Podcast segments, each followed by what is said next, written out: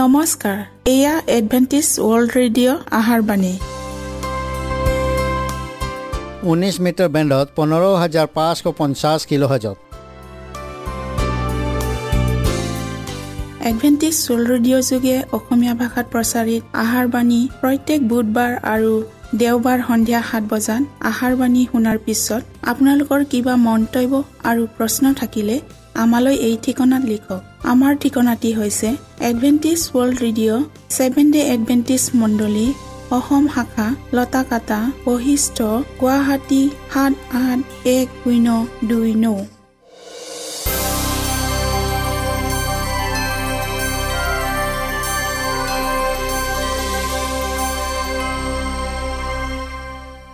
প্ৰিয় শ্ৰোতা বন্ধুসকল এতিয়া শুনো আহক এটি খ্ৰীষ্টীয় ধৰ্মীয় গীত।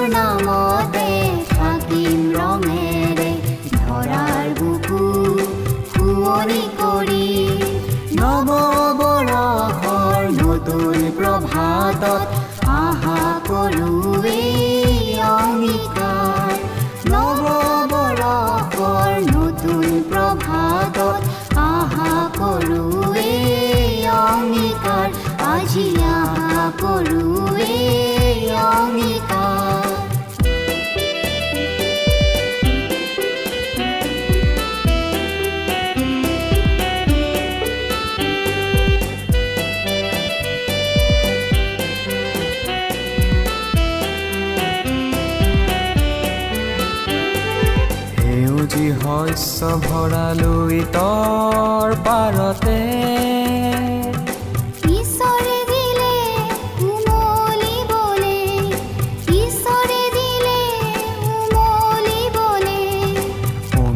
মাধুৰী সানি প্ৰেমৰ বাণীৰে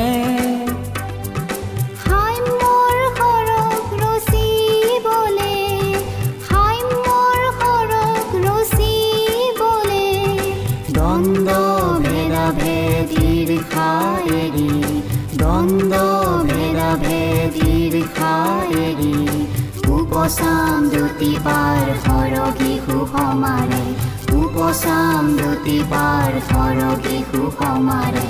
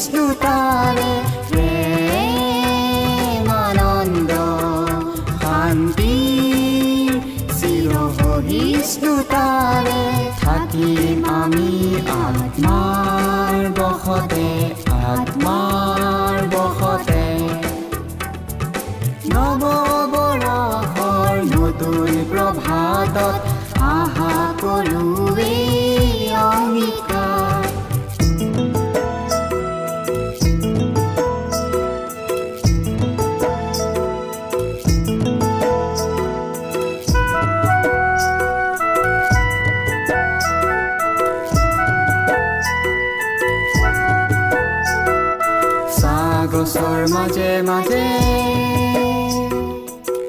মাদুলৰ তালে তালে। গছৰ মাজে মাজে। মাদুলৰ তালে তালে। প্ৰভু যীশু জুৱলিব মাদুলৰ তালে তালে। প্ৰভু যীশু জুৱলিব মাদলর তালে তালে। কলি যাতে গুলখনা কলি যাতে গুলখনা সময় বানিয়ে কিসে যাম শান্তি হৃদয়তে? কিসে যাম শান্তির বীজ হৃদয়তে?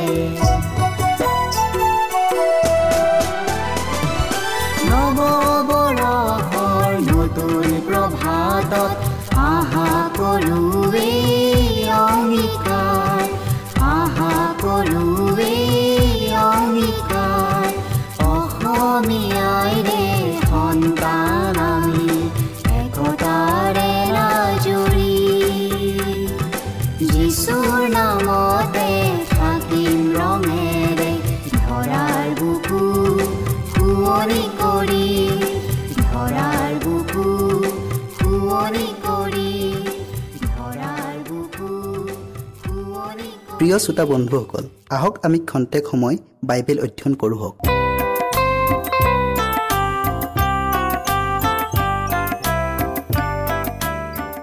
প্ৰিয় শ্ৰোতাসকল নমস্কাৰ। আজি আমি যোৱা অনুষ্ঠানৰ বিয়াৰ কাপোৰ নিপিন্ধাকৈ এই দৃষ্টান্তৰ শেষ অংশটো শুনো হওক। শাস্ত্ৰপদ হৈছে মঠি বাইছ অধ্যায়ৰ এক পদৰ পৰা চৈধ্য পদলৈকে। ঈশ্বৰৰ বাক্যৰ শুনাৰ আগতে আমি প্ৰাৰ্থনা কৰোঁ হওক। হে জীৱনময় গৰাকী ঈশ্বৰ জিহুৱা তোমাৰ নাম ধন্য হওক। প্ৰভু এতিয়া আমি যি বিশেষ বিষয় অধ্যয়ন কৰিবলৈ আগবঢ়াইছোঁ সেই বিষয়টিলৈ জানিবলৈ আমাক জ্ঞান আৰু বুদ্ধি দিয়া। প্ৰত্যেক শ্ৰোতাক তুমি তোমাৰ পবিত্ৰ আত্মাৰ যোগেদি চলাই নিয়া। যীশুৰ নামত খুজিলোঁ। আমেন। নিজকে ঈশ্বৰ বিশ্বাসী বুলি পৰিচয় দিয়া লোকবিলাকক মানৱ নৈতিক বিধি মতত চলা লোক। কিন্তু জগতৰ আগত যি বৰৰ দ্বাৰাই কৃষ্টৰ গৌৰৱ বৃদ্ধি হয় তাক তেওঁলোকে অগ্ৰাহ্য কৰিলে। পবিত্ৰ আত্মাৰ কাৰ্যও তেওঁলোকৰ মনত আচহুৱা কাৰ্য যেন জ্ঞান কৰিলে। কাৰণ তেওঁলোক বাক্য পালন কৰোতা লোক নহয়। খ্ৰীষ্টৰ কোজৰ অনুগামীবিলাকক তেওঁৰ বিৰুদ্ধাচাৰণ কৰাবিলাকৰ পৰা পৃথকে থোৱা নাই। কেৱল উঠেৰে প্ৰশংসা কৰা ব্যক্তিবিলাকে ফল উৎপন্ন কৰিব নোৱাৰে। তেওঁলোকৰ চিনাক্ত কৰা সহজ নহয়। তেওঁলোকে নিজকে জগতৰ নীতি নিয়ম জগতৰ চিন্তা ভাৱনাত বুৰ গৈ সেইবোৰৰ বশতীয়া হৈছে। ঈশ্বৰৰ বাক্যৰ বিপৰীত শিক্ষাৰে পৰিপূৰ্ণ হৈ নামধাৰী কৃষ্ট মণ্ডলীবোৰে জাগতিক ৰূপ ধাৰণ কৰিছে। কিন্তু ঈশ্বৰৰ অৰ্থাৎ কৃষ্টৰ সত্য মণ্ডলীয়ে জগতৰ আগত ঈশ্বৰৰ আজ্ঞাৰ বাধ্যতা হ'বলৈ শিকায়। প্ৰিয় শ্ৰোতাসকল সকলোৱে কৃষ্টৰ মৃত্যুৰ দ্বাৰাই উদ্ধাৰ পোৱাৰ আশা কৰে। কিন্তু তেওঁৰ আত্মবলিদানৰ জীৱনী শক্তিক অস্বীকাৰ কৰে। তেওঁলোকে বিনামূল্য অনুগ্ৰহৰ ঐশ্বৰ্যৰ অতিকৈ প্ৰশংসা কৰি তাৰ আৱৰণেৰে নিজৰ দোষবোৰ ঢাকি ধাৰ্মিকতা প্ৰকাশ কৰাৰ প্ৰয়াস কৰে। কিন্তু প্ৰভুৰ দিনত তেওঁলোকৰ আটাই প্ৰচেষ্টা বিফল হ'ব। হৃদয়ত পাপ পোষণ কৰি থাকিলে কৃষ্টৰ ধাৰ্মিকতাই তাক ঢাকিব নোৱাৰে। কোনোবাই মনতে ঈশ্বৰৰ আজ্ঞা ভংগ কৰি বাৰ্ষিক ৰূপে অপৰাধ নকৰা যেন দেখুৱাই সেই ব্যক্তি জগতৰ প্ৰশংসা পাত্ৰ হয়। কিন্তু ঈশ্বৰৰ বিধানে হৃদয়ৰ অন্তকণলৈ দৃষ্টি কৰে। আৰু আজ্ঞা ভংগ কৰা অনুসাৰে প্ৰত্যেকটো কৰ্মৰে সোধ বিচাৰ কৰা হ'ব। কেৱল ঈশ্বৰৰ মৌলিক বিধানৰ নীতিৰে চলাজনেহে সোধ বিচাৰত থিয় হ'ব পাৰিব। ঈশ্বৰ প্ৰেম ঈশ্বৰে কৃষ্টৰ উপহাৰৰ যোগেদি তেওঁৰ প্ৰেম প্ৰকাশ কৰিলে।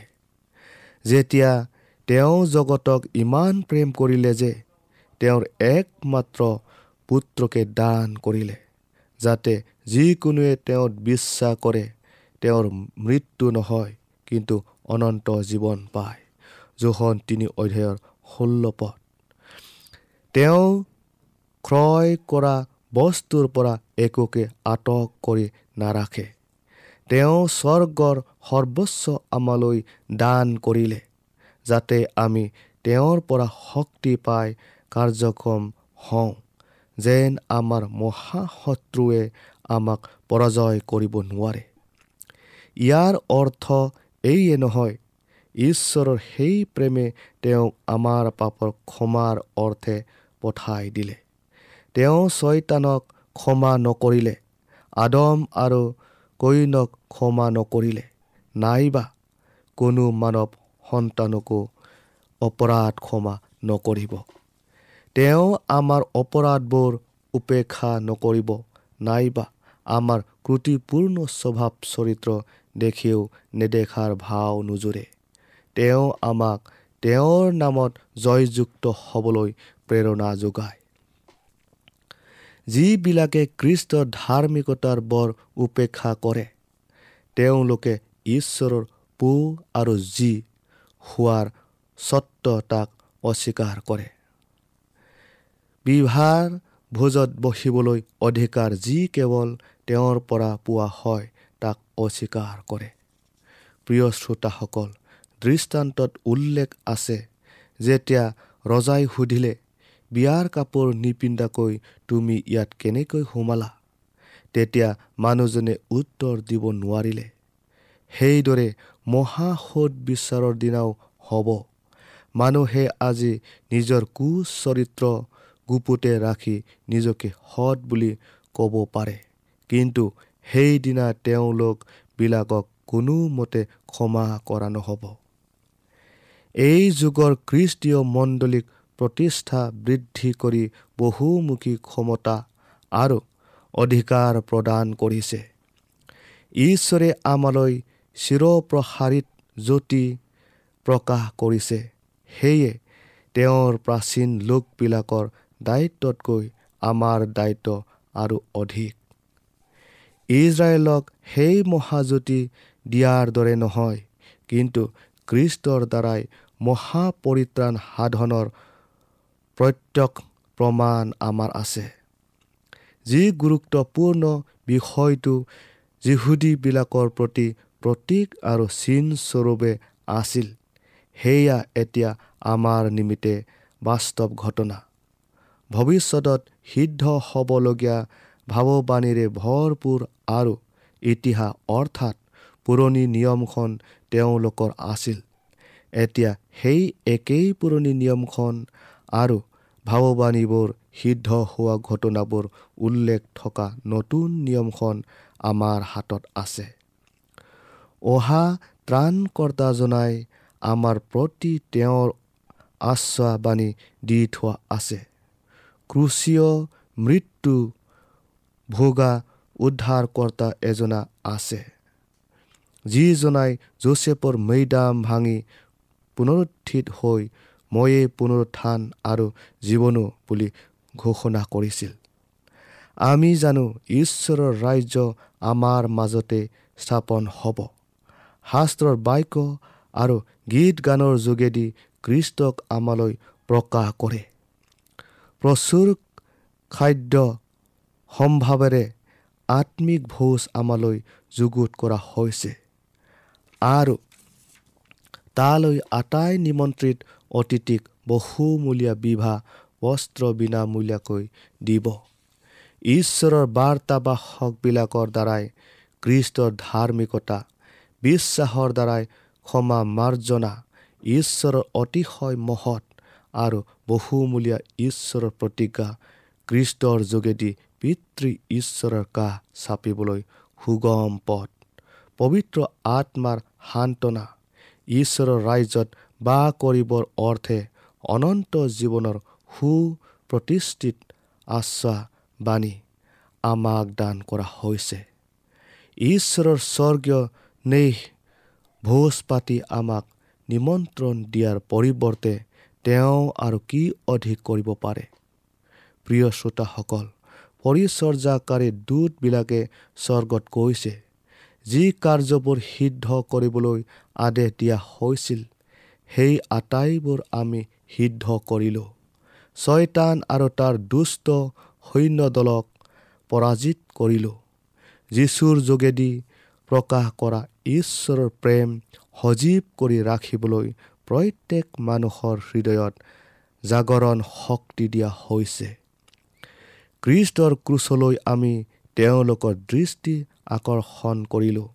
তেওঁলোকৰ অপকৰ্মৰ নিমিত্তে ঈশ্বৰৰ পুত্ৰ ক্ৰুচত হত হ'ল। অনেকে এই নিগুৰ সত্য হৃদয়ংগম কৰি অনুতাপ সহিত নিজকে দোষী সাব্যস্ত কৰিলে। ঈশ্বৰৰ প্ৰেমৰ মধুৰতাই তেওঁলোকৰ হৃদয় কোমল কৰাত সুবাৰ্তাৰ শক্তি অনুভৱ কৰিলে। কৃষ্টৰ সৌন্দৰ্য আৰু সৎ গুণবোৰলৈ দৃষ্টিপাত কৰিলে। কিন্তু আন বহুতে সেইবোৰ প্ৰত্যাখ্যান কৰিলে। অনেকে নিজৰ নিজৰ অতীতত কুস্বভাৱ আৰু কুকৰ্মবোৰ ত্যাগ কৰি তেওঁত নিজকে সোধাই দিয়া নাই। জগতৰ বস্ত্ৰ শুলুকাই থৈ স্বৰ্গীয় বস্ত্ৰ পিন্ধাৰ ইচ্ছা তেওঁলোকৰ নাই। কাৰণ হৃদয়খন লোভেৰে ভৰপূৰ। সেয়েহে ঈশ্বৰৰ প্ৰেমৰ সৈতে সহভাগিতা ৰখাতকৈ জগতৰ সৈতে সম্বন্ধ ৰখাই অধিকতৰ ভাল দেখিলে। অন্তিম সিদ্ধান্তৰ দিন অতি গুৰুত্বপূৰ্ণ দিন হ'ব। ভাৱবাণী দৰ্শনত দেখা ঘটনা ৰাখি পাচনি জোখনে বৰ্ণনা কৰি কৈছে তেওঁৰ সন্মুখৰ পৰা পৃথিৱী আৰু আকাশ মণ্ডল আঁতৰি গৈ অদৃশ্য হ'ল। সেই সিংহাসনৰ আগত সৰু বৰ সকলো মৃত্যু লোকক থিয় হৈ থকা দেখিলোঁ। পাছে কেইখনমান পুস্তক মেলা হ'ল আৰু জীৱন পুস্তক নামৰ আন এখন পুস্তকো মেলা হ'ল। সেই পুস্তকবোৰত লিখা মতে নিজৰ নিজৰ কৰ্ম অনুসাৰে মৃত্যুবিলাকৰ সোধ বিচাৰ কৰা হ'ল। প্ৰকাশিত বাক্য বিছ অধ্যায়ৰ এঘাৰ আৰু বাৰ পদ। প্ৰিয় শ্ৰোতাসকল সেইদিনা কেনে সুখৰ দিন হ'ব যেতিয়া মানুহে পৰকালৰ সৈতে সন্মুখীন হোৱাত অতীতৰ কৰ্মবোৰৰ পৰ্যালোচনা হ'ব? তেতিয়া আমি কোনো কথাকে লুকুৱাই ৰাখিব নোৱাৰিম। আমাৰ জীৱনকালত কৰা আটাই কৰ্ম সেইদিনা প্ৰকাশ পাব। জগতৰ ভোগ বিলা ঐশ্বৰ্য আৰু মান প্ৰশংসা ইত্যাদি কোনোটোৱে প্ৰাধান্যতা লভিব নোৱাৰিব। তেতিয়া মানুহে যি ধাৰ্মিকতাত অৱজ্ঞা কৰিছিল কেৱল তাকে মহামূল্যৱান হোৱা ৰূপত দেখা পাব। প্ৰবঞ্চক ছয়তানৰ প্ৰৰোচনাত ভুলকৈ তাৰ মতে চলি নিজৰ সৰ্বনা কৰিলে ইয়াক দেখিবলৈ পাব। যি বস্ত্ৰ তেওঁলোকৰ পচন্দমতে বাছি ল'লে সেয়া আদিতে স্ব ইচ্ছাই পৰিত্যাগৰ অনুৰূপ। তেতিয়া স্বপচন্দৰ বাছনিৰ পৰিণাম নিজ চকুৰে দেখিবলৈ পাব আৰু ঈশ্বৰৰ আজ্ঞা উলংঘনৰ ফলাফল কি তাক জানিব। অনন্ত জীৱনৰ কাৰণে যুগুত হ'বলৈ দ্বিতীয় সুযোগ আৰু নাপাব। এই জীৱনতে আমি কৃষ্টৰ ধাৰ্মিকতাৰ বস্ত্ৰ পিন্ধিব লাগিব। যিবিলাকে কৃষ্টৰ আজ্ঞাৰ বশৱৰ্তী হয় তেওঁলোকৰ কাৰণে যি স্বৰ্গীয় ঘৰ যুগুত কৰিছে তাত চিৰকাল বাস কৰিবলৈ এতিয়াৰ পৰাই তেওঁৰ ইচ্ছাৰ বশ হৈ চলাৰ এই জীৱিত কালেই একমাত্ৰ সুযোগ। প্ৰিয় শ্ৰোতাসকল আমাৰ অনুগ্ৰহৰ সময় দ্ৰুতগতিৰে শেষ হৈ আহিছে। সময় আৰু নাই সেয়ে আমাক সতৰ্ক কৰি কৈছে তোমালোকে সাৱধানে থাকিবা। তোমালোকে অপৰিমিতি ভোজন বা অধিক দ্ৰাক্ষাৰস পাণ নাইবা সংসাৰৰ চিন্তাত মত্ত হৈ নাথাকিবা। নতুবা তোমালোকলৈ সেই দিন অকস্মাতে আহিব। লোক একৈছ অধ্যায়ৰ চৌত্ৰিছ পদত সাৱধান হওক নহ'লে আপোনালোকো অপ্ৰস্তুত হৈ থকা পাব। সাৱধান হওক নহ'লে ৰজাৰ ভোজত বিভাৰ বস্ত্ৰ নিপিন্ধাকৈ বহি থকা দেখা পাব। সেইকাৰণে আপোনালোকেও সদায় সাজু হৈ থাকিব। কাৰণ যি সময়ত আপোনালোকেও আশা নকৰা সেই সময়তে মানৱ পুত্ৰ আহিব। যিজনে জাগি থাকি নিজৰ বস্ত্ৰ যুগুত ৰাখে যাতে তেওঁ উলংগ হৈ নুফুৰে আৰু সমাজৰ আগত লাজত নপৰে সেইজন ধন্য। প্ৰিয় শ্ৰোতাসকল এই দৃষ্টান্তৰ বিষয়ে আজি আমি ইয়াতে সামৰিলোঁ। আশা কৰোঁ আপোনালোকে প্ৰভুৰ দ্বিতীয় আগমনৰ বাবে যুগুত হৈ থাকিব বুলি। ঈশ্বৰে আপোনালোকক এই দৃষ্টান্তৰ যোগেদি আশীৰ্বাদ কৰক।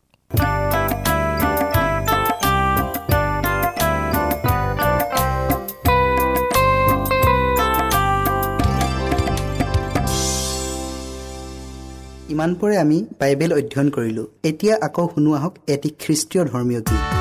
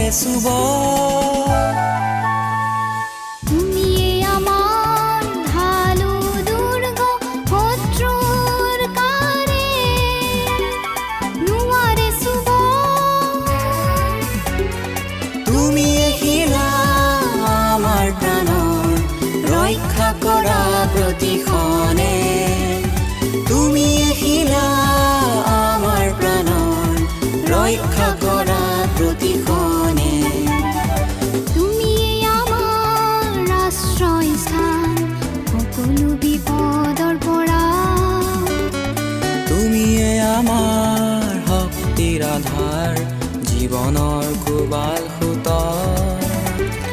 ৰক্ষা কৰোতা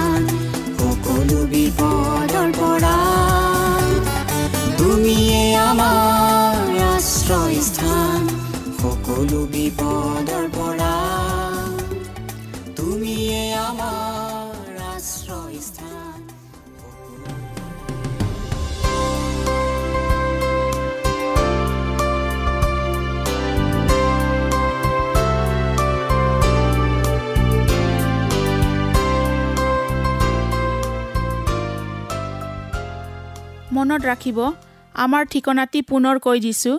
Adventist world radio' Assam region of seven day Adventist voice of hope Latakata Basistha Guwahati seven eight one zero' two nine প্ৰিয় শ্ৰোতা বন্ধুসকল এডভেণ্টিজ ৱৰ্ল্ড ৰেডিঅ' যোগে আহাৰবাণী প্ৰচাৰত আপোনালোকক পুনৰ লগ পোৱাৰ আহাৰে আজিলৈ সামৰিলোঁ। ধন্যবাদ।